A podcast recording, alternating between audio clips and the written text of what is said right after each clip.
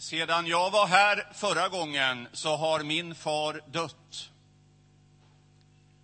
Och det har betytt att jag har ägnat ganska mycket tid åt att tänka över min far, över min farfar, över vem jag är och hur det blev som det blev.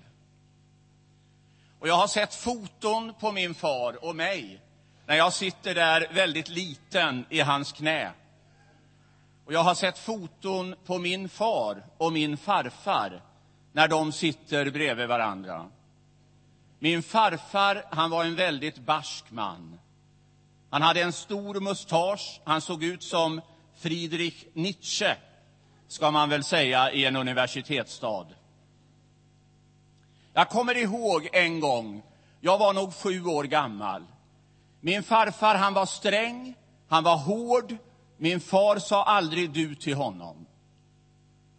Min farfar tog mig till ett tält där det var väckelsemöte vid Oppundavägen i Katrineholm. Bertil Paulsson skulle predika. Farfar och jag gick dit.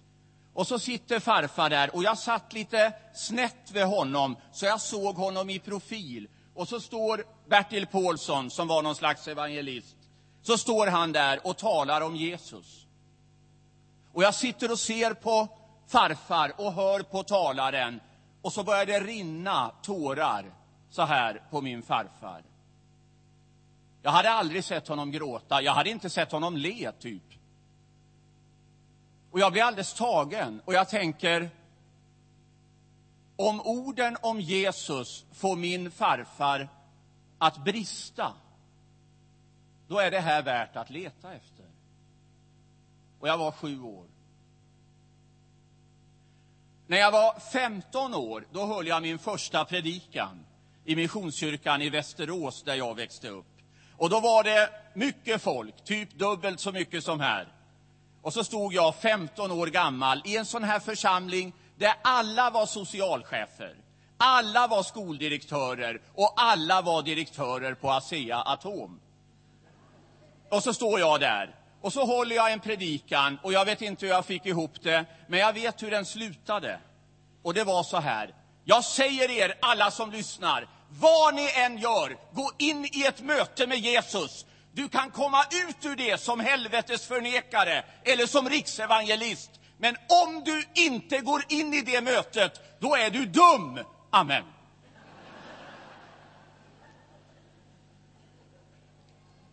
Jag har bott i Stockholm i 30 år. Och i Stockholm finns det tunnelbana. Och vid en av de här tunnelbanetransporterna, där man går mellan två linjer, där var det ett antal foton längs väggen. Eh, och jag hade passerat där ganska många gånger, det är på väg till den blå linjen. Och då är det foton på Mahatma Gandhi, det är foton på Dag Hammarskjöld, det är foton på olika gestalter i vår historia, ett slags porträttgalleri. Och så en gång när jag åker där på det här rullbandet så ser jag honom. Jag har åkt förbi där massor med gånger. Jag har aldrig riktigt sett honom. Och så helt plötsligt när jag åker där så ser jag att det är han. Alltså det, det är ett porträtt av Jesus. Och jag går av rullbandet och jag stannar till och, och, jag går fram till honom, jag minns det precis, och så säger jag till honom, här har jag åkt förbi och jag har inte sett dig. Och, och, och folk åker ju förbi hela tiden, alla stockholmare åker ju förbi. Och jag säger till honom, jag vill aldrig åka förbi dig igen. Jag är fäst vid dig och jag vill aldrig någonsin åka förbi dig. Jag vill se dig, kommer jag ihåg att jag sa. Och det här var några år sedan nu. De flesta åker förbi honom hela tiden. Också här i Göteborg. Den bibeltext jag vill läsa är Johannes 12 kapitel och det är vers 20 till 22. Johannes 12 och så vers 20, 21 och 22. Så här står det i Johannes 12 från vers 20. Bland dem som kommit upp till högtiden för att tillbe Gud fanns några greker. De sökte upp Filippos, han som var från Betsaida i Galileen, och sa, Herre, vi vill gärna se Jesus. Filippos gick och talade om det för Andreas. Och Andreas och han gick och talade om det för Jesus. När man läser Nya testamentet så kan det vara bra att veta att när det står greker, då betyder det alla. När det står greker, då betyder det alla som inte är judar, det vill säga alla. Så greker är ett inkluderande uttryck. Och i den här bibeltexten så står det alla vill egentligen se Jesus. Tror du på det? Alla vill egentligen se Jesus. Alltså, alla människor vinner på att se Jesus. Det handlar inte om att bli religiös. Det handlar inte om att få en ny religion. Utan du och jag, säger Bibeln, vi är skapade för att se Jesus. Och så står det i den här texten att Filippos tog någon till Andreas och de tog någon till Jesus. Min farfar tog mig till Jesus. Vem tog dig till Saron idag? Vem tog mig hit? Det är alltid någon som tar oss till Jesus. Varför vill alla se Jesus? Ja, man skulle kunna säga så här, att vi som är här nu, du och jag, vi fanns inte innan vi föddes. Vi blev till genom att några älskade varann, eller gjorde det man gör, eller borde göra, när man älskar varann. Men innan vi föddes så fanns vi inte. Jesus är den enda som fanns innan han föddes. Det är därför vi tror på jungfrufödseln. Det är därför vi bekänner jungfrufödseln. Därför att den viskar högt i mänskligheten att han fanns innan han föddes. Och man kan inte säga så om någon annan. Men också, Jesus, han finns sedan han dog. Du och jag finns inte när vi dör. Ingen av oss finns när vi dör. Men Jesus, han finns sedan han dog. Och så säger kristen tro att du och jag, alla, är skapade till att se honom, till att fästa våra existenser det är hans livsöde. Och då finns vi också sedan vi dör. Typ min far.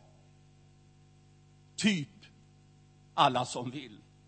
Och detta fästande av oss, av alla, vid honom, säger kristen tro, det är meningen med varje mänsklig existens. Alltså, du får inte tag i det vid sidan av Jesus.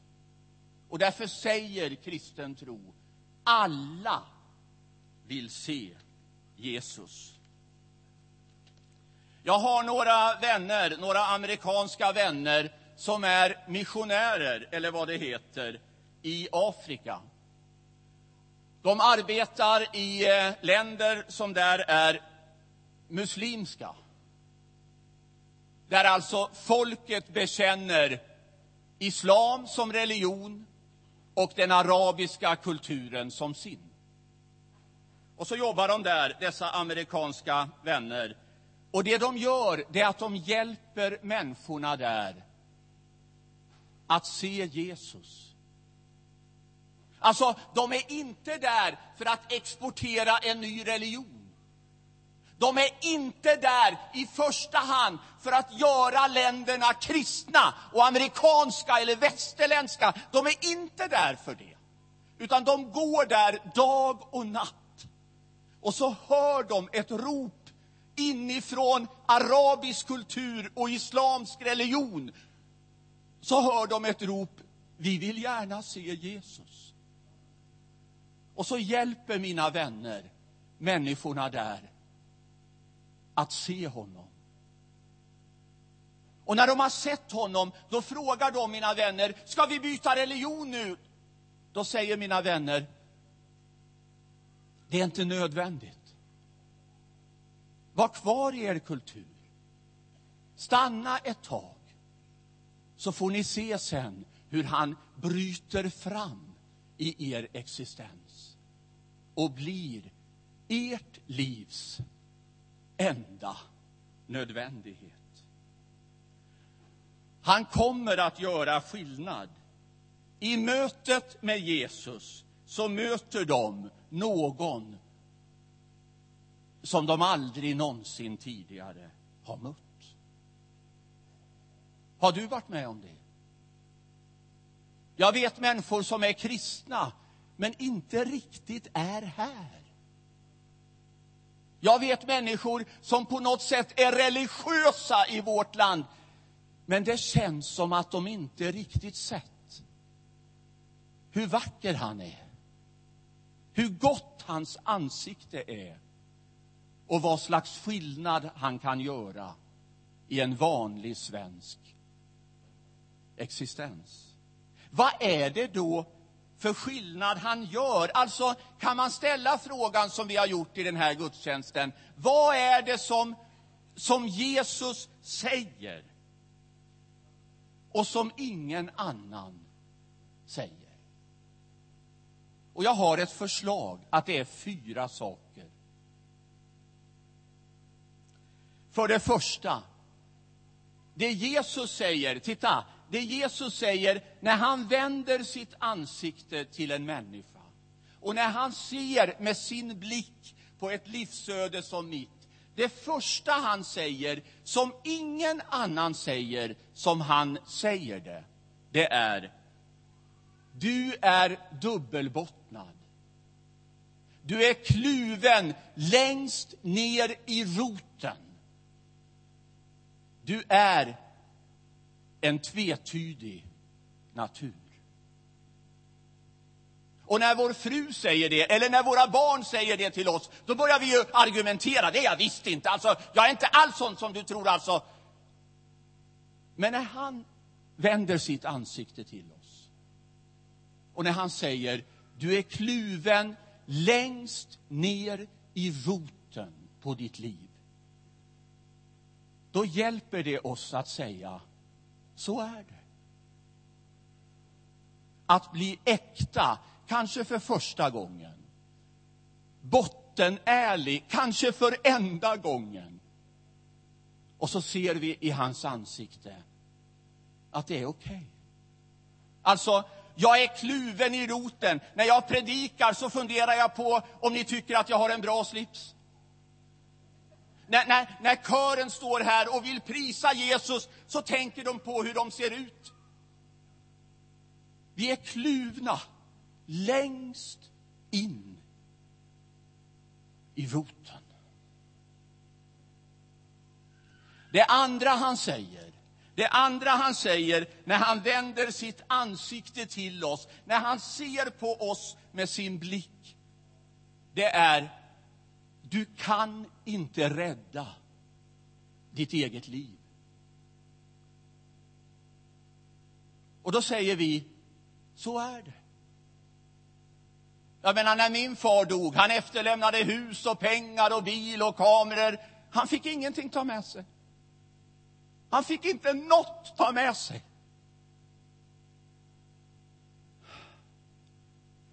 Och när Jesus säger till oss, du kan inte rädda ditt eget liv. Då förstår vi att vi har fått en frälsare. Vi har fått det vi desperat behöver i vår existens. Vi försöker skyla detta faktum med karriär, med äktenskap, med familj, med kläder, med att flytta till Göteborg, typ. Men det hjälper inte. Ingenting hjälper. Därför ingen människa, inte ens en muslim i Afrika, kan rädda sitt eget liv. Och när Jesus säger det, då säger vi tack att det blev sagt över mig. Tack att jag fick höra det. Tack att det tog i mig.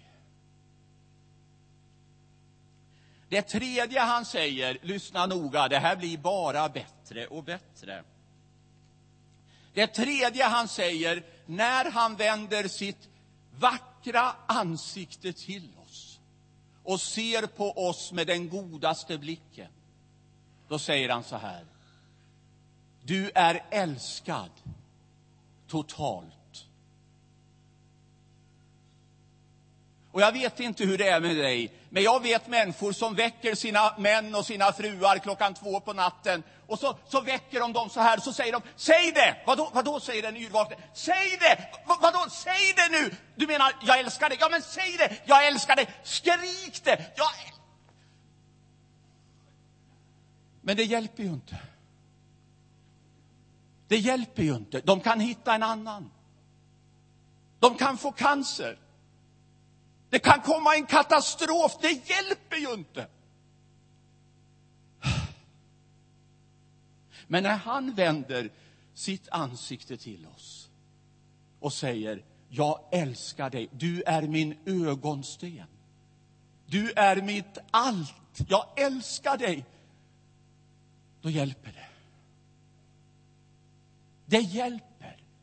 Och man får ett självförtroende.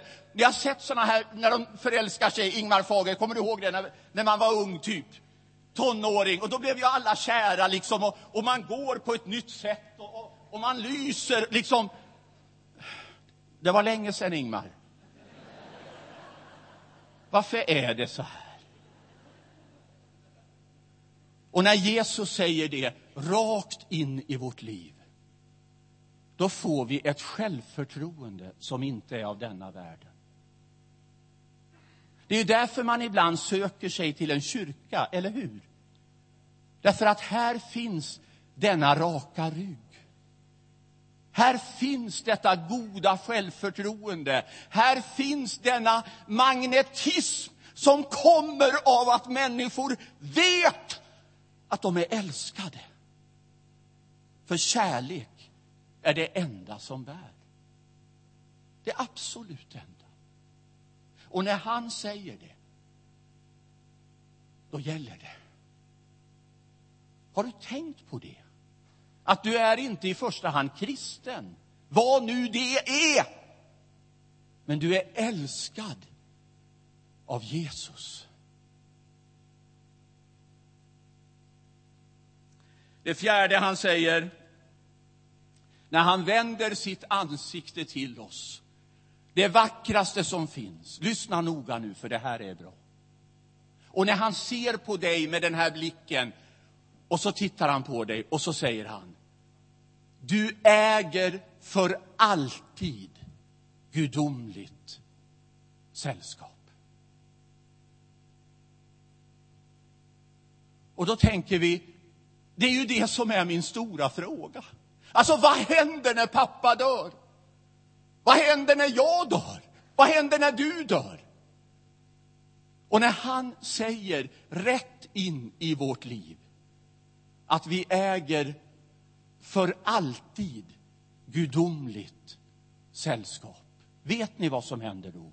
Då försvinner ett antal oro. Då försvinner ett antal osäkerhet